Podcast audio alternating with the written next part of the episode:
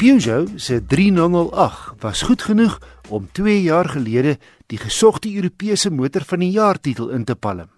En hoewel die 3008 plaaslik maar swak verkoop teen teenstanders soos die Nissan Qashqai en Volkswagen Tiguan, het die nuwe 2 liter turbo diesel Allure model my verwagtinge heeltemal oortref. Die wa is buite en binne besonder aantreklik met 'n vars en gebalanseerde voorkoms. Netjiese 18 duim alloy wiele en interessante ligsamestellings voor en agter.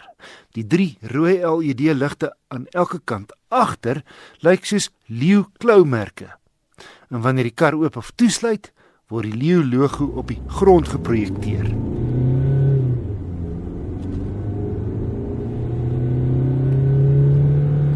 Die nuwe 2 liter turbo diesel is tipies diesel, bietjie grof wanneer koud, maar relatief glad en stil op die oop pad. En in die Allure topmodel werk hy baie goed in tandem met 'n 6-spoed outomaties.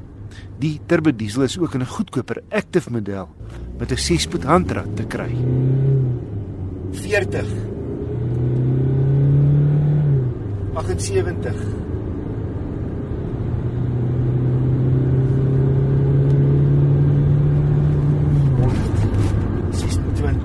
Die 2 liter turbo diesel skop 110 kW en 'n baie gesonde 370 Nm wrinkrag uit.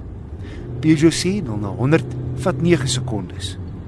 Verwag 'n gemiddelde verbruik van minder as 6 liter per 100 km.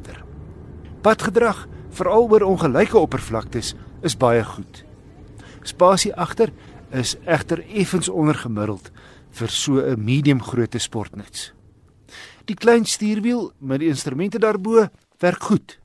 Hy het twee veranderbare skerms, die een huisves die bestuurder se instrumente en die ander een in die middel die navigasie en vermaak. Teen R491.900 is die Peugeot 3008 HDI Allure volledig toegerus met kenmerke soos dubbelsone klimaatbeheer, asook 'n horde veiligheidskenmerke. Die Fransman is nie net buite en binne aantreklik nie, maar vaar ook in verskeie ander opsigte bo gemiddeld goed, soos 'n soliede, hoë kwaliteit, hoë tegnologie kajuit.